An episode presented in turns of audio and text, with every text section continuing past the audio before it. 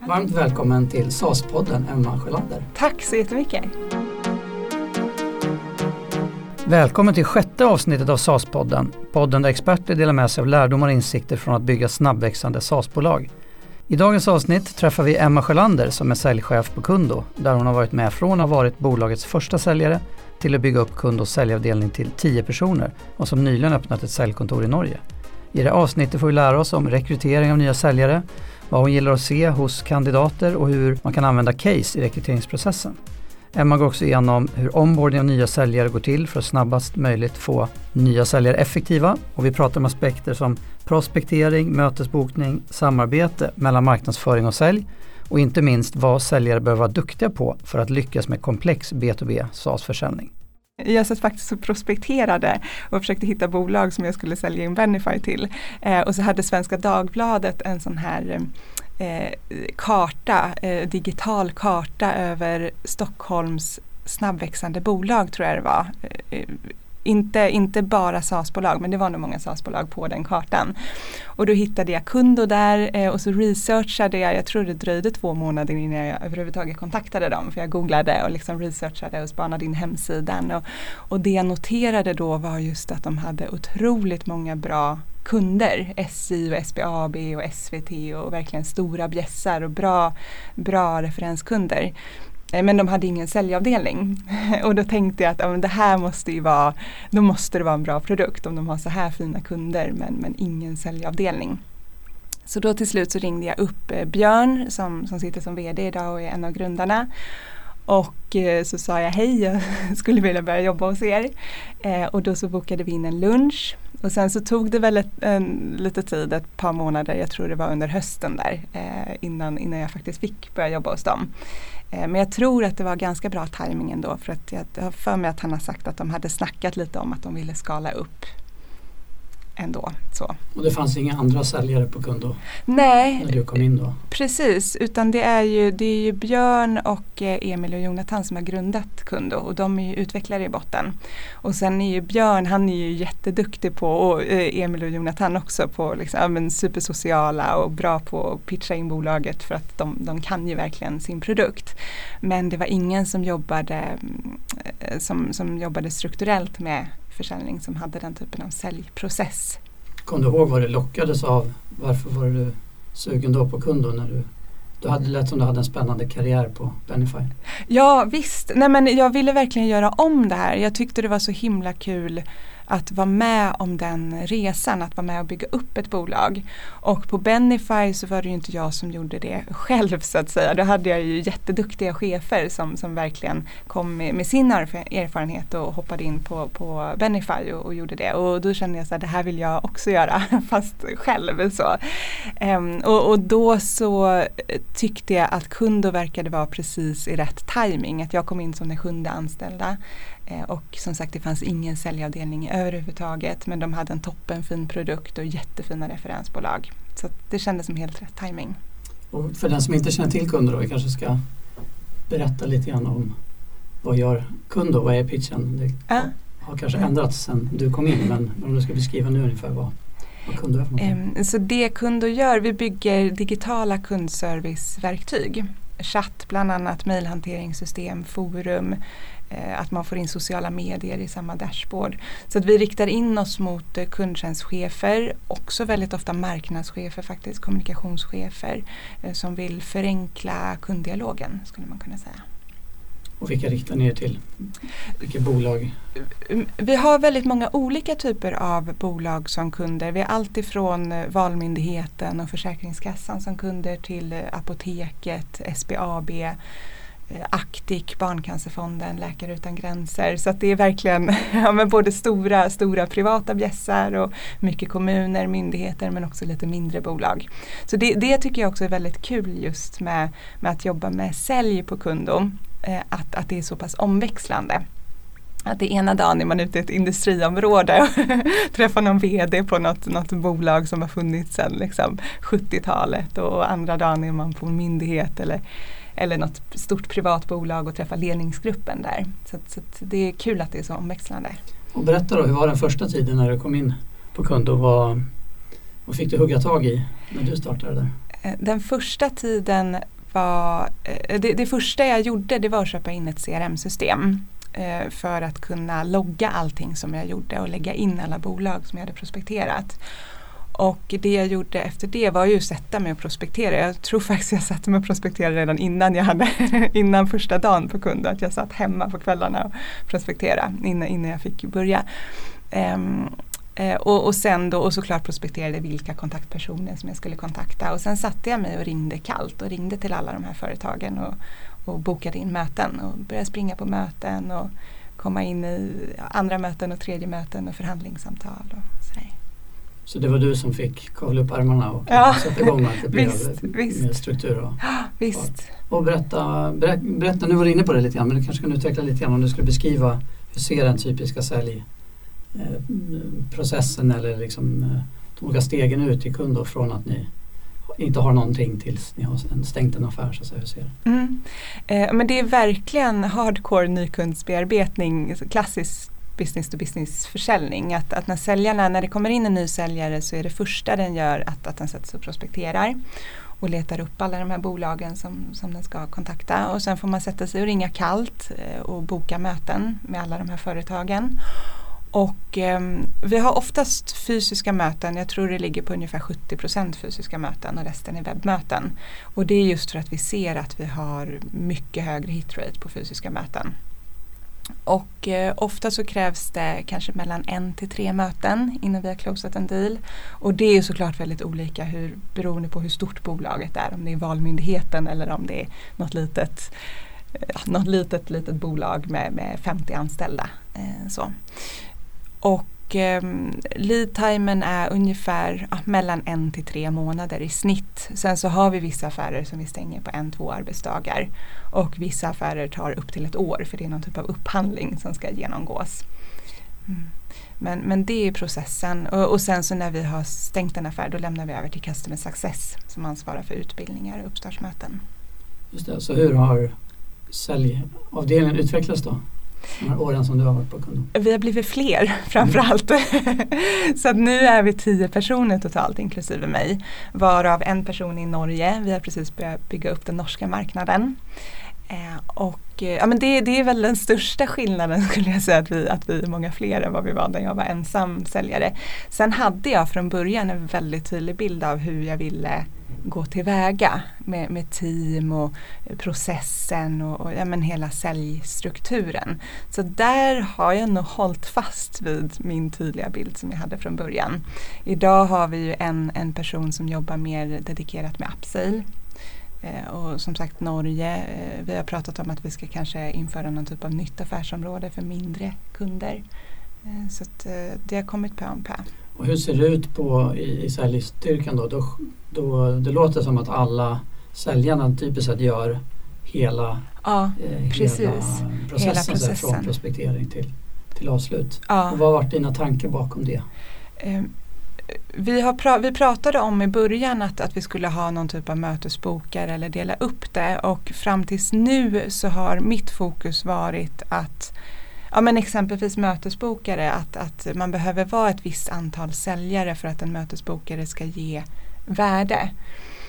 Eh, sen tror jag väldigt mycket på att det är bra att göra hela processen själv eller i alla fall ha gjort den, att man har den förståelsen. Eh, om man bokar sina egna möten då blir det mer kvalitet i de mötena som bokas exempelvis.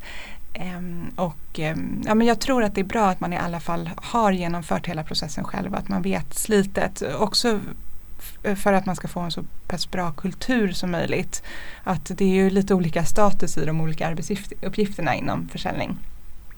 Eh, så. Men nu har vi börjat prata om att kanske ta in en mötesbokare och det är för att jag upplever att nu, nu är vi så pass många så att den personens arbete skulle faktiskt ge nytta. Att vi kan ta tillvara på de mötena som skulle komma in. Vad är det som styr det? Alltså hur stor behöver man vara? Eller hur, hur har du liksom räknat där när du säger att det har inte varit timing innan men nu börjar det bli det? Ja. Vilka parametrar? Eh, ja men dels eh, hur många, jag har räknat lite på hur många möten den personen skulle kunna boka mm. eh, och hur många, hur många säljare kan vi vara för att ta tillvara på det.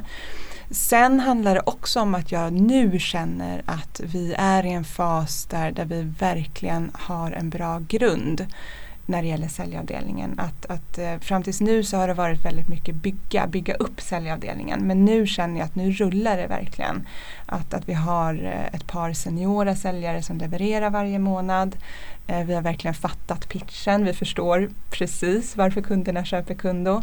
Eh, och vi har också gått hela varvet runt att, att eh, ja, men som sagt en person har fått ändra lite sin roll. Att hon är mer ansvarig för befintliga kunder och, och ännu mer strategiskt in och grotta i, i bolagens verksamheter och, och mer försälja. Mm, så, så, det har också varit en del i det att jag vill fokusera på att bygga upp en stabil nykundsbearbetning först innan jag tar några andra steg. Men nu känner jag att vi är där. Men kan du berätta mer om den här upsell-satsningen som ni har gjort? Vad, hur har ni tänkt där och, och liksom, hur, har det, hur går det med den? Ja, det går, det går faktiskt väldigt, väldigt bra. um, Vi har ju fem produkter på Kundom. Eh, vi bygger hela tiden nya produkter. När jag började så hade vi en, en och en halv produkt och, och nu har vi fem, fyra år senare.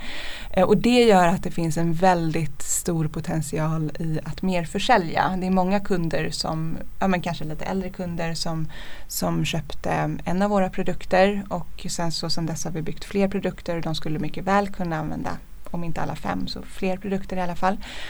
Eh, men som sagt det jag fokuserar på fram tills nu är att, att bygga upp den här stabila nykundsbearbetningen. Men, men nu har jag den här personen som är, hon är också väldigt duktig strategiskt och har väldigt stor affärsförståelse och, och så.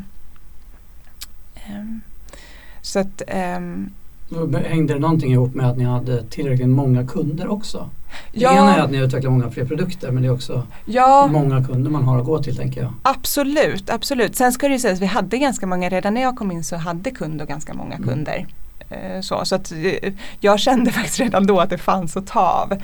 Eh, så, men absolut, nu är det ju ännu fler. Och nu finns det, nu antar jag att hon har hon har fullt upp så att säga med oh, ja. att bearbeta verkligen, befintliga kunder med, med, alla nya produkter. Verkligen, verkligen. Och kommer det bli fler som jobbar med ja, eh, försäljning? Det där är ju en, en litet vägval eh, som vi inte riktigt har, har bestämt ännu vi ska göra. Men antingen att, att det blir som två avdelningar, en nykundsbearbetning och en hennes titel i Growth Manager, men någon typ av kamroll så att man har en avdelning som jobbar med det. Alternativt att säljarna själva har ansvar för sin portfölj. Det skulle också kunna vara ett vägval. Att, att man eh, har sin target och får in sina kunder och eh, man har fortfarande nykundstarget men man ansvarar också för att eh, att kunderna inte säger upp och, och, gör de det då ansvarar man för att få in pengar som motsvarar den summan. Och vad, hur utvärderar ni CS då, så Customer Success? De säljer ingenting? Nej exakt, de mm. säljer ingenting. De är jätteduktiga på produkterna, de är produktproffsen i bolaget. Och eh, de, eh, de håller ju utbildningar och uppstartsmöten och den här löpande kontakten med kunderna. Eh, och det är ganska stor, ja men en tydlig skillnad däremellan. Man märker också ja men, personlighetsmässigt att säljarna är ju väldigt mycket, ja men du vet, vill få in affärerna och jaga vidare hela tiden. Medan Customer Success är mer fokuserade på långsiktiga relationer och, och faktiskt hjälpa till. Och, ja så. så det är kul att man verkligen ser lite personlighet personlighetsförändring eller skillnader däremellan också. Eh, och, och, jag tänkte det här med nyckeltal då, vi som är i SAS-världen, vi älskar ju data och mäta allting. Äh. Kan du säga någonting om vilka nyckeltal som du använder kanske främst då för, vi börjar med nykunds eller nyförsäljningsteamet då liksom. Mm. När det gäller säljarna, precis, det säljarna mäts på det är ju framförallt pengar in. De har ju en månadstarget som de ska få in varje månad. Och det är ju den officiella mätpunkten så att säga. Eh, sen så har ju, sen självklart så mäter vi på allt ifrån eh, pickups, alltså hur, hur många gånger lyfter de telefonluren till hur många möten bokar de, till hur många möten går de på, hur många andra möten går de på, allt, allt som de gör egentligen. Men, men det formella så att säga, det som i slutändan räknas, det är pengarna in. Sen är ju de andra bitarna är ju ett bra coachingverktyg. Att jag är väldigt noga med att titta på hur, ja, men om en säljare inte levererar, hur kan man titta bakåt i kedjan för att se vad, vad beror det på? Har personen inte varit på möten eller har den, har den varit på möten men den eh, Ja, den har för få andra möten exempelvis eller den kanske inte bokar några möten. Det kanske beror på att den har mm, gjort för få pickups. Eh, så, så det är väldigt bra coachingverktyg för att titta på, på hela kedjan. Så det är viktigt att alla loggar liksom sin aktivitet då i Absolut, allt, allt loggas. Vad har ni för CRM-system? Vi använder HubSpot. Mm. Det är ganska nytt. Det var faktiskt Adam som är vår marknadsansvarig som, som införde det. Innan dess, när jag började på Kundo så köpte jag in ett, ett eh, verktyg som heter um, Nutshell. Som är, det är ganska okänt amerikanskt ehm, um, SAS-bolag också. som jag köpte framförallt för att det var ganska billigt och det uppfyllde alla, alla kriterier baseline som, som jag tyckte behövdes. Men HubSpot har varit väldigt bra för att nu sitter vi i samma system med sälj och marknad vilket innebär att marknadsavdelningen kan se exakt vad som händer med alla nedladdade produktblad, closar vi de affärerna eller alla, alla potentiella kunder som vill boka demos. Och hur ser samarbetet ut där om vi tar lite mellan er på sälj och marknad? Då? Hur? Ja. Um, men det, det är framförallt uh, eh, att, att vi pratar väldigt mycket om just de uh, nyckeltalen. Uh, sen är marknadsavdelningen på, på Kundo ganska ny. Det är två personer som jobbar där. så, att, så att där har vi nog mycket potential framöver skulle jag säga, att jobba ännu tajtare ihop. Men det som, det som vi gör nu det är just att de, de jobbar väldigt mycket med AdWords och LinkedIn-annonser och frukostseminarier för att få in mer leads till oss. Vad sa du, hur många var ni inom sälj? Tio. Tio och ni är två mm. på ja. marknadsföring. Är ja. säljtungt. Väldigt säljtungt, japp. Och, och, hur skulle du liksom säga, hur, hur mycket säljkultur är det i hela bolaget? eh, lagom, höll jag på att säga. eh, det, är ju, det märks ju att, att grundarna är ju utvecklare i botten. Eh, jag är den enda personen i ledningsgruppen som har någon form av säljbakgrund. Och det är klart att det märks. Eh, och Eh, det har, ju, det har ju varit diskussioner genom åren. Men hur, eh, när jag köpte in en säljklocka så är det en debatt under ett ledningsgruppsmöte. Hur, hur ska vi jobba med det och måste man komma och high-fivea och, och sådär.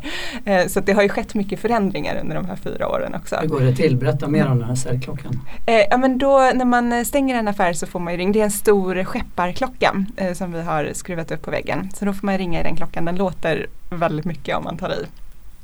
Eh, och då kommer eh, alla som vill då, ska jag betona, man måste inte komma och high-fivea. Men, men de som vill och är i närheten och inte sitter och kodar med något liksom, som, som man inte kan bli störd i kommer och high-fivar. Eh, och det, syftet med det, det är dels att, att eh, om jag då har sålt en affär att jag ska få känna att amen, wow, det här, det här var värdefullt. Att, att man får den positiva känslan och förstärker den positiva känslan. Men det är också en jättebra mm, informationspunkt i företaget. För då berättar också säljaren varför den här kunden har köpt. Och då får alla höra det. För annars är det lätt att säljarna bara vet varför kunderna köper. Men då får även, ja men Customer Success har ju ständig kontakt med kunderna men också utveckling, operations, marknad höra att ja, men den här kunden köpte på grund av det här och det här. Och att man får den här framgångskänslan i, i hela bolaget och inte bara på säljavdelningen. Men vi tillbaka till det, jag tyckte det var intressant som du sa att du kunde använda datan som säljarna då loggar sin aktivitet och sen så kan du använda liksom, datan för att se vad som funkar eller kanske framförallt när det inte funkar i mm. säljprocessen. Kan du inte ta några mer exempel där kring saker som du kan eh, hitta där och vad du, vad du, eh, hur du adresserar det så att säga? Mm. Um, ja men framför allt, jag är mycket för vad ska man säga, individuell coachning. Att, att uh, olika personer kan ju ha olika utmaningar. Och att, att uh, man inte med svepande ordalag pratar om att vi måste sälja mer. Utan att man faktiskt i one-on-ones kan gå in och kika på just den här personens specifika siffror. Eh, att ja, men som sagt, vissa är jätteduktiga på att boka och gör jättemånga pickups och, och bokar hur många möten som helst. Men eh, ibland kanske det är många möten som också blir avbokade och då får man titta på vad beror det på. Eller personen kanske går på jättemånga möten men ehm, ja, det är inte så många som, som leder till affär eller de kanske inte går vidare till andra möten eller tredje möten och då får man ju kika på det. Och då får jag gå in och coacha om jag ska hjälpa till med med ehm, eh, mockcalls och hjälpa till med själva bokningspitchen eller om jag ska följa med på möten och hjälpa till och closa kanske. Ja, för det var det som var min nästa fråga. Händer det att du följer med Ja, mycket. Säljarna ut också på mycket, möten. Mm. verkligen. Och hela tiden. Sen såklart mest de, de nya, de som, som verkligen är supernya. Där följer jag med hela tiden. Men sen försöker jag faktiskt se till att, att alla följer med varandra hela tiden kontinuerligt på möten också. Att bara för att man har jobbat i två, tre år och är senior så betyder inte det att, att man är fullärd. och likaså att utbyta, att få det här kunskapsutbytet så att man följer med hela tiden varandra. Om man har möten i Stockholm så får man gärna hugga någon kollega som följer med på det. Mm. Okay. Jag är jättenyfiken på det här med, med onboarding av säljare tycker jag är ett intressant mm. område. Men, men vi kanske ska börja steget innan då när ni rekryterar säljare. Kan du inte berätta lite grann hur, hur går det till? Vad letar ni efter? Vad är det för saker som du typiskt sett vill se när du scoutar mm. kandidater och, och, vad händer sen? Det är framförallt två saker som jag tittar på då. Dels så är det ju, jag brukar tänka säljprocessen som två delar. Dels är det här att man ska klara av prospektering och ringa många kalla samtal. Och sen är det ju att man ska klara av att, ehm, att vara förtroendeingivande på möten. Man ska klara av att stå inför en ledningsgrupp som ifrågasätter varför man ska, man ska lägga en massa, massa pengar på det här. Man ska klara av att ha den pondusen och också argumentationsteknik. Så det är två delar och, och dels så tittar jag då på att man klarar av de här kalla samtalen, att man har det pannbenet.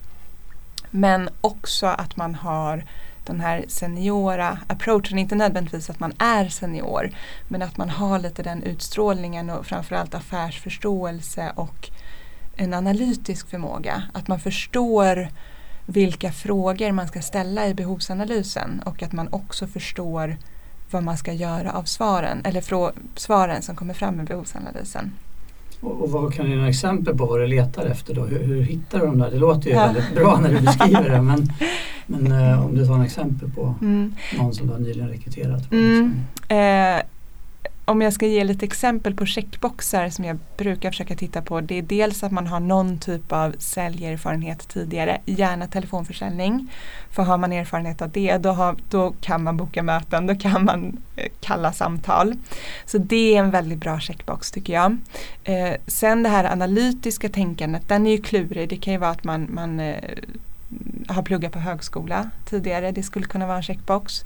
Eh, eller att man har jobbat med, med business to business sälj tidigare och har visat att, att man klarar av det. Eh, eller bara att man, man är lite äldre, att man inte kommer direkt från skolbänken utan man har, man har levt lite, lite livserfarenhet. Eh, så. så det är lite olika checkboxar som jag tittar på. Och vad händer sen då när du har hittat bra kandidater? Hur tar ni dem vidare i eran rekryteringsprocess? Då? Ja, den första, det första som händer är att jag har en första intervju och det är jag som har alla första intervjuer för Usolla. Det blir ganska många första intervjuer. Och eh, efter det så går man vidare till eh, case. Och caset består av, ehm, det är som ett rollspel kan man säga. Så att vi sitter ett gäng kollegor runt ett bord i konferensrummet och sen så får den här personen komma in och presentera kundo som ett säljmöte. Så att den har fått förbereda sig en vecka innan kanske och, och förbereda en presentation och, och vad den ska pitcha på och samla information. Och så låtsas vi att, att vi eh, jobbar på ett företag och, och ställer massa, massa frågor, eh, kritiska frågor och, och, kanske lite dumma frågor ibland. Eh, och sen så får personen klara av att bemöta de här frågorna. Och det vi tittar på då det är framförallt att personen kan Ja men att den har förstått varför man ska köpa kund då, Att den kan resonera i de banorna och när vi ifrågasätter och, och, och ställer frågor att den kan komma med alternativa lösningar.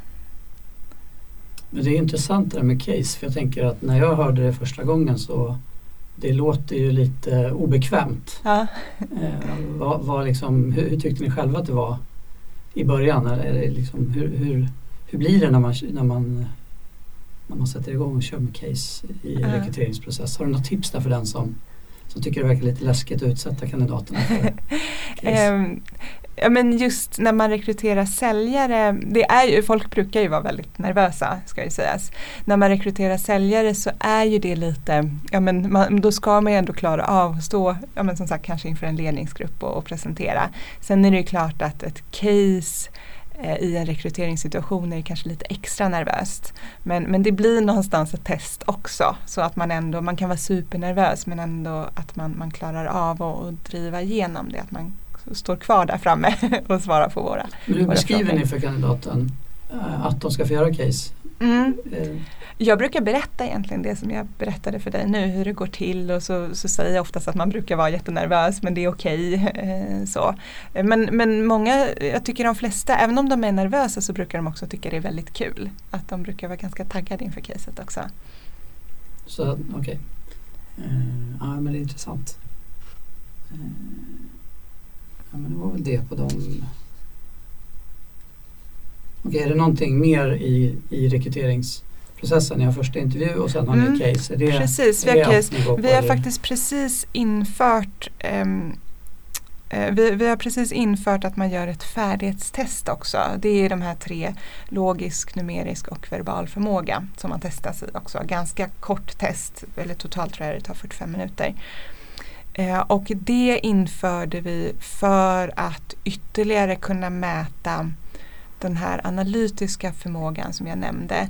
Eh, Det är någonting som, som jag har lärt mig under tiden på Kundo.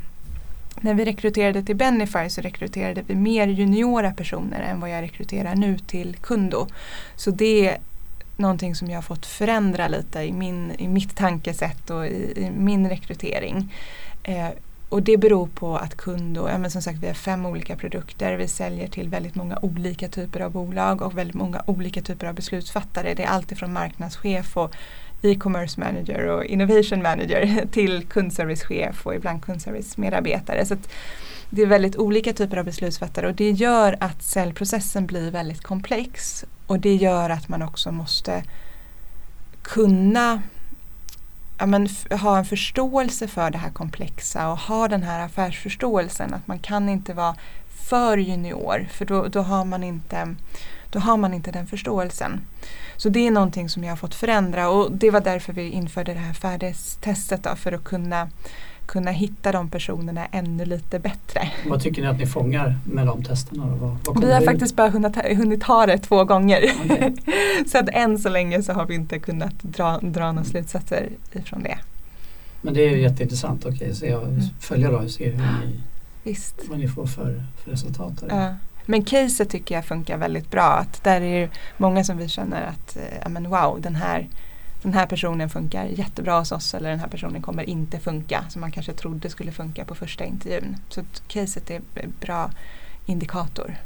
Men ni måste också ha haft några säljare som har gått hela vägen och blivit anställda som ändå inte liksom lyckas på kund. Då, så att, Ja, inte så många faktiskt. Vi har haft ganska låg personalomsättning. Eh, Så att, eh, vi har haft eh, någon eller ett par enstaka, mm. eh, så, men, men inte så många. Okej, nu har någon blivit anställd här då på kund. Och vad händer när man kommer till er första dagarna och veckorna? Kan du inte ta oss igenom lite grann era liksom onboarding-program som ni har? Eh, Onboarding-programmet är ganska fullspäckat eh, första veckorna. Eh, Kundo är väldigt måna om att, eh, ja, men att man ska få en inblick i alla olika avdelningar. Så att man har, eh, dels så har man intropass med alla teamleads i varje, från varje avdelning som berättar om ja, men så här funkar sälj, så här funkar utveckling, så här funkar customer success eller operations. Eh, Så, så det gör man eh, och sen så har vi väldigt noggrant också Jonathan då som är våran COO eller HR-chef som vi brukar säga. Eh, går igenom ja, men allt ifrån så här funkar semesterdagar till eh, eh, friskvårdsbidraget. Eh, så, så det är ganska matig, matig intro men vi brukar få mycket beröm för den. Och, och på säljsidan då när man kommer till din till, till din, när man gått igenom det där och så kommer man till dig då, vad, vad Mm. händer på sälj? Eh, då har jag delat upp eh, varje, varje del i eh, säljprocessen har jag delat upp i en workshop. Så att vi har workshops om prospektering, vi har workshops om hur man ringer kalla samtal, hur man håller ett möte, hur, hur gör man en behovsanalys. Och så. så varje del i säljprocessen eh, finns det en workshop om. Och sen så brukar jag lägga in de workshopsen med, med kanske en veckas marginal eller em, en veckas eh, mellanrum. Eh, så, så att jag tror det är de första sju veckorna innehåller ganska mycket säljintro i allmänhet. Och sen såklart som vi pratade om tidigare att jag följer med väldigt mycket på möten och de andra kollegorna följer med väldigt Okej, mycket så det tar ändå sju veckor från att man kommer in tills man har gått igenom hela skolan så att säga. Ja, Men- exakt. Men då gör man en massa andra saker. Man gör massa andra saker också, också, så att man börjar ringa kalla samtal redan vecka två och boka sina möten och, och de flesta går på sitt första möte ja, men efter tredje veckan. Någonting sånt. Kan du berätta någonting mer om prospekteringen? För den har du touchat flera gånger. Mm. Du säger att man, man måste liksom göra den klart innan man börjar ringa. Kan du säga någonting mer om vad är det man när har man prospekterat färdigt? Ja, eh, färdig blir man nog aldrig. Men, men jag brukar sätta upp mål när det kommer in nya säljare att man eh, ja, första tiden ska komma upp i 150-200 bolag så att man har någonting att ta av. Så att man inte börjar med 10 bolag så ringer man 10 samtal så måste man börja om igen. Utan att man har en liten bulk som man faktiskt kan köra ringrace på också och komma upp i tempo. Och eh, prospekteringen, eh, den kan många tycka var klurig. Den, eh, den tar ju ganska mycket tid. Och jag skulle säga att alla nya säljare som kommer in, även eh, Martin som, som var säljare nummer två som kom in efter mig, eh, tyckte och de flesta tycker att, att eh, ja, men man får en känsla av att alla bolag är tagna. så det är en sån vanlig känsla när man kommer in och ska prospektera att nu finns det ingenting kvar att göra. Men sen så hittar man några bolag, man frågar vänner och bekanta vart de jobbar eller om de har tips och till slut så lossnar det och så till slut så har man fått in alla de här 200 bolagen. Men den listan behöver förnyas ibland? Ja, också. ständigt, verkligen. Så att säljarna brukar sätta upp egna individuella mål, att de prospekterar kanske tio nya bolag i veckan eller varannan vecka. Eller? Men och hur har ni tänkt där? Jag tänker att, att äh, andra bolag som, som, äh, som jag kommer i kontakt med, man läser om det här att man har en marknadsavdelning som levererar liksom heta leads in till mm. säljavdelningen. Mm. Att äh, skulle man ju, tänker jag så här, så här, men den som kommer ny till kund då, vore det inte schysst om den får tio ganska mm. heta leads så den kanske kommer ut på sina första möten. Mm. Så här, slipper prospektera och kanske mm. till och med slipper ringa verkligen. Men ni, ni, har inte valt den vägen? Liksom. Nej, Vad beror det på? däremot så kan jag tänka mig att det skulle kunna vara en väg framåt längre fram. Det touchar ju lite det här med mötesbokning också. Eh, men jag brinner ju väldigt mycket för att man ska klara av hela kedjan. Eh, att, att man ska eh, att man ska klara av allt ifrån prospektering till, och, till att closea möten. Sen ska det ju sägas att just det här med prospektering och att boka möten, det är inte flaskhalsen hos oss att få till den biten utan det som är flaskhalsen hos oss när det gäller både rekrytering och rampa upp nya säljare det är att de ska lära sig komplex försäljning det är det som tar tid. Att, att um, de ska förstå vilka frågor de ska ställa i behovsanalysen och vad de ska göra utav det. Också den här pondusbiten, att våga säga emot en VD och argumentera för att nej men hallå, du, du har faktiskt fel på den här punkten. Du, du kan resonera så här och så här istället. jättebra. Och vad, men, men ändå, vi kommer tillbaka till med marknadsföring. Vad, nu har ni två personer som, som jobbar dedikerat med mm. marknadsföring. Vad har, det, vad har det sett för effekter för er på, på försäljning? Det har absolut gett effekter. Vi får ju mycket fler inbounds nu än vad vi har haft tidigare.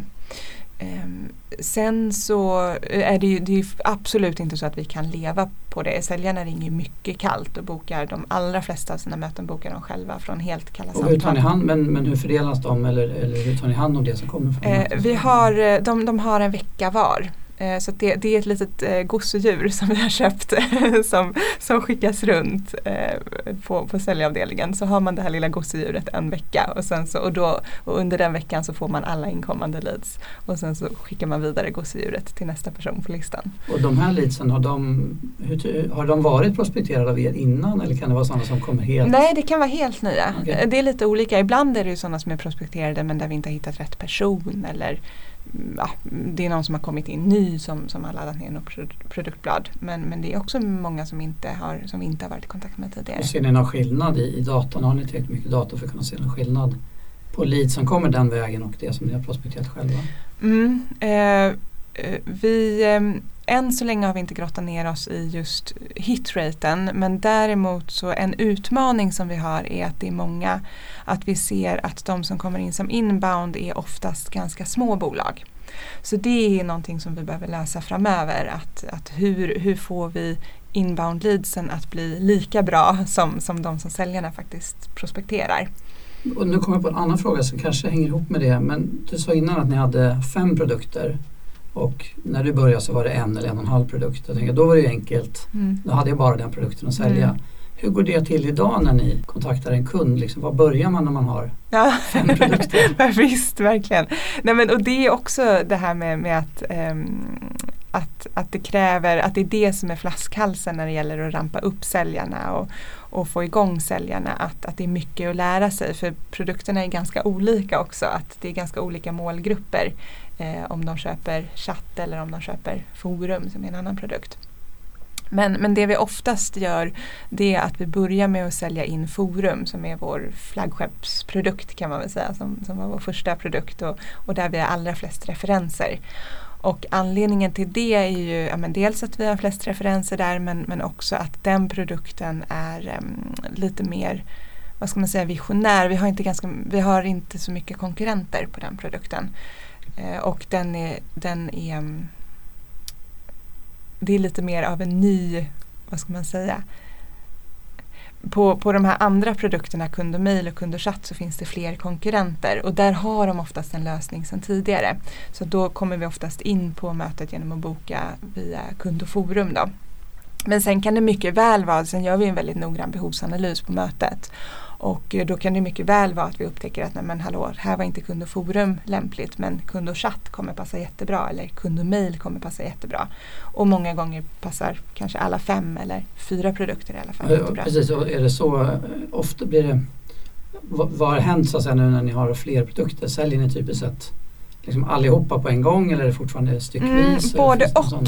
Vi säljer mycket oftare alla på en gång nu än vad vi har gjort tidigare. Och vi har också ett mål, vi jobbar ju med OKRs och vi har ett mål att vi ska få eh, att vi ska öka antalet produkter per kund, vilket vi också har lyckats med. Så, att, eh, så det ökar kraftigt och det beror dels på att de ny, eh, nykundsbearbetningen säljer in mer paket. Men också att vi har den här nya rollen som jobbar med upsale som också där, där kunderna bara har köpt en eller två produkter att man ser till att de köper ännu fler efter att de har signat avtalet. Jag var nyfiken på att förstå lite mer. Du var inne på det här att ni det är ju ändå komplex försäljning som ni håller på med mm. och det är lätt att se i början kanske aktivitetsnivån är hög och man bokar möten och man kommer ut på möten men så får man liksom inte till det. Mm. Så tänker jag dels på kanske två frågor, men vi börjar med den första då. Vad, hur, hur, hur mycket tålamod ska man ha så att säga, med en säljare och vad, vad tar man liksom vad tar man intäkt i att så här, det här känns ändå som att det går bra? Vad, vad tittar man på då när. Månaderna går liksom men, mm. men det inte blir så mycket Visst. affärer? Nej men det där är, det där är jättesvårt faktiskt eh, att, att se eh, hur, hur mycket tid ska vi ge någon eh, så. Men ehm, eh, vi, vi följer med väldigt mycket och jag och Christian då som är teamlead följer med väldigt mycket Eh, på, på möten. Och då får man ju hela tiden där göra en bedömning. Ja, men hur mycket hur, hur bra behovsanalys gör den här personen? Hur mycket klarar den av att styra mötet? Hur, hur mycket klarar den av att argumentera för, för den här produkten? Hur, hur bra är den på att tänka själv och affärsförståelse och sådär. Så det är ett, en löpande bedömning som man får göra. Men, men det är klart att det är inget lätt beslut för man vill ju, man investerar ju väldigt mycket emotionellt också i sina kollegor. Så, att, eh, så det är klart att det är jättesvårt att, att ta beslutet att, att man måste gå skilda vägar. Men, och vad jobbar ni med sen då för, om vi säger att du har varit ute nu med en, en, en ny, ny eh, anställd säljare hos er som du känner är, ja men här finns det saker som behöver utvecklas men, men fortfarande både du och den här personen är taggad och vill mm. ta framåt. Vad, vad använder du då för? Mm. Vi feedbackar jättemycket varandra på möten. Eh, oavsett vem som följer med vem så, så feedbackar vi väldigt mycket varandra och så här, så här kanske man hade kunnat göra annorlunda eller tänkte du på det här eller jag har den här pitchen som jag brukar använda, tips, tips på den nästa gång. Eh, så det gör vi men sen så har vi också väldigt mycket workshops och eh, strategidagar tillsammans. Så att en gång per kvartal så har vi strategidagar då vi Eh, antingen om vi är hemma hos mig eller någon annan kollega. Eh, och då har jag bokat in workshops med lite tanke på vad jag har sett på mötena, vad, vad eh, folk behöver träna på. Eh, så, och då kan det vara ja, allt ifrån hur man, hur man bokar ett möte till eh, hur man sätter en agenda i slutet på ett möte. Men oftast handlar det om just det här med komplex försäljning och träna på behovsanalys och sätta agenda. Så, så är det de vanligaste fallgroparna så att säga? Ja. Eller vilken är den vanligaste som du ser det, liksom den här, när vi, den här behöver man knäcka, det här är det vanligaste som Ja, nej, absolut. Det är precis behovsanalys och eh, själva presentationen eller eh, säljdemon, att återknyta den till behovsanalysen också. Att, att jag som säljare måste förstå varför kunden ska köpa. För att om inte jag förstår det så kommer inte kunden förstå det. Men att, att jag har förstått det då under behovsanalysen och kan återknyta i min säljpresentation utifrån behovsanalysen, ja men du berättade det här och det här och det kommer ni verkligen kunna lösa med den här produkten. Gör ni det i samma möte typiskt sett? Ja, så exakt. säljaren gör behovsanalysen som Precis. tidigt i mötet och sen ska man växla över till att göra Ja, demot för kunden. exakt så. Okay. Så att behovsanalysen tar kanske en halvtimme av mötet och sen kanske vi har en, en demo i ja, 20 minuter och sen så sätter man en agenda då. Så precis, och utöver behovsanalysen så är det agendasättningen som, som kan vara klurig också som vi övar mycket på i workshops. Hur vill, hur vill du typiskt att det ser ut för att det ska vara bra? Vad är en bra agenda? Eh, ja men att eh, dels att man tänker till eh, vilka fler beslutsfattare finns det? Gärna att man inte lämnar över det till kunden. Eh, för, för det ligger mycket prestige i det där också. Många man träffar säger ju själva att de tar beslut eh, för att det är prestige och att man, man vill gärna, man vill inte blotta sig i det att om jag kanske har en fin titel ibland. Men sen så kanske jag inte har jättemycket makt eller, eller buy-in internt. Eh, så. så att man inte lägger över det på kunden utan att man kanske föreslår då hellre att eh, ja, men, ja, det låter som att eh, din kollega Lisa behöver vara involverad i det här. Då föreslår jag att jag träffar Lisa på torsdag nästa vecka. Funkar det? Förslagsvis för henne. Är det en vanlig fallgrupp tycker du? att att man missar att reda ut vilka som egentligen bestämmer. Ja, absolut. Jättevanlig fallgrop. Och att man lämnar över det på kunden och att det rinner ut i sanden. Och jag tjatar ju också på, på eh, säljgänget att de ska ha kalenderbokning på allt också. För det är också en vanlig fallgrop. Att, att man kanske man hade jättehärligt och bra möte och man tyckte att ja, men nu, det här, det här kommer de köpa. Och sen så glömmer man att sätta en agenda och så säger man att ja, men vi hörs man kanske tycker där och då att man har en jättebra agenda men, men sen så har man inte det och så ringer man två veckor senare och då har de glömt allt eller de svarar inte i värsta fall och så blir man den här jagande säljaren som ingen tycker om. Men så ditt mål är, eller målet för er det är att det sätts en kalenderbokning ja, innan man lämnar på det mötet? Exakt, innan man lämnar så ska man ha en kalenderbokning. Att du och jag är överens om att ja, men vi ska höras på torsdag nästa vecka klockan 13 och tills dess så har du gjort det här och det här. Och, eller att i bästa fall att vi ses på torsdag klockan 13 och då har du med dig dina tre kollegor som behöver vara med och ta beslutet. Vi brukar alltid runda av här i SAS-podden med fem snabba om SAS. Så tänkte vi kör de här. När hörde du först talas om begreppet SAS? Jag tror faktiskt om jag ska vara ärlig att det var först när jag började på Kundo. Björn som är VD för Kundo han är ju jätteduktig på just nätverka inom SAS och eh, leta reda på mycket data om SAS och, och, och bra metrics och, och, så. Så jag tror faktiskt att det var från honom. Eh, och nu då när du har fått koll på SAS genom Björn, hur skulle du beskriva den största fördelen med SAS till någon, någon som inte vet vad SAS är riktigt? Eh, ja men det är klart att det är ju det här med, med återkommande intäkter. Eh, att, att man eh, när man väl får en nöjd kund så fortsätter ju den att betala in via ett abonnemang. Eh, sen ur säljsynpunkt så tycker jag att SAS är väldigt fördelaktigt för att det gör ju också att det blir väldigt enkelt att bli kund. Eh, när det gäller Kundo exempelvis om man ska köpa in kund så det är ju en länk man lägger in på hemsidan eller ett skript man lägger in. Och det gör att IT-avdelningen hos kunden behöver inte vara involverad på något sätt. Och det är ju en jättefördel, både för, för oss säljare men framförallt för kunden, att, att det är enkelt att köpa in. Men nu kommer jag på en fråga till när, som du, när du touchar det där som jag måste eh, fråga dig. För jag träffar ju många eh, entreprenörer som kanske lite generellt är som, som Björn och, och Jonathan och Emil, det vill säga man är ingenjör och man är jätteduktig på produkt och har kommit på någonting riktigt bra. Mm. Och sen börjar man leta efter säljare. Och så hör de, hör de av sig till mig och säger så här, känner du till några bra SAS-säljare? Letar ni efter SAS-säljare? Nej, absolut inte. Nej. jag tror inte någon, om jag tänker igenom gänget, det är ingen som är SAS-säljare. Nej. Utan mer eh, just det här att ja, men man kanske har erfarenhet från telefonförsäljning tidigare, för då kan man, då klarar man av att göra pickups. Och att man har någon typ av analytisk och lite mer senior ådra så. Okej, så det är inget man behöver leta så specifikt efter tycker du? Nej, absolut inte. Det, det lär man tror sig. Att det är, varför tror du att man tänker så? Som, vad är det man är rädd för att det är svårt annorlunda med SAS? Du har ju ändå mm. lång erfarenhet från allt ifrån telefonförsäljning och så vidare. Ja, eh, bra fråga. Ja, men det är klart att, att eh, ja, men man kanske tänker att det är en kortare upprampningstid om personen har sålt något exakt likadant tidigare. Mm. Men där finns det också, jag skulle också säga att det är en fallgrop. För då kanske man luras lite av det att personen, ja men nu har den bevisligen jobbat här på ett liknande bolag. Men, men att det kan ju också, det behöver inte betyda att personen gjorde det bra. Den kanske jobbade där men det kanske inte alls gick bra. Så jag skulle också säga att det kan vara en fallgrop.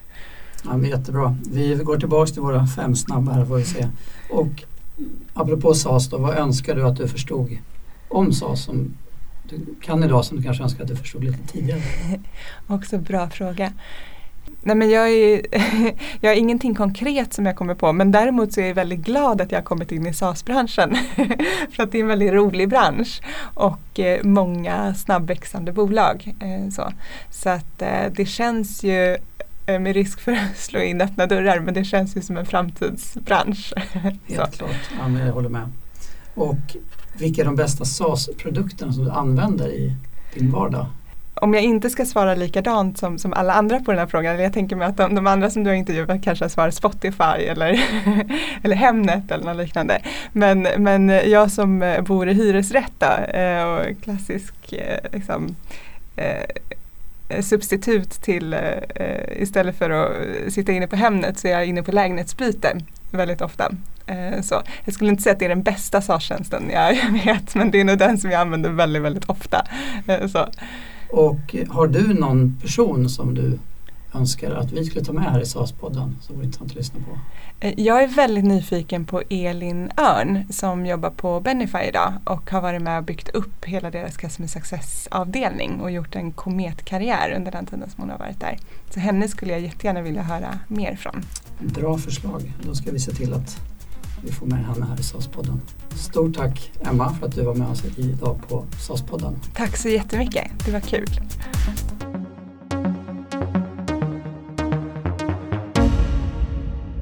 Tack för att du har lyssnat på det här avsnittet som var det sjätte av SAS-podden. På www.cloudcapital.se SAS-podden hittar du alla avsnitt av podden.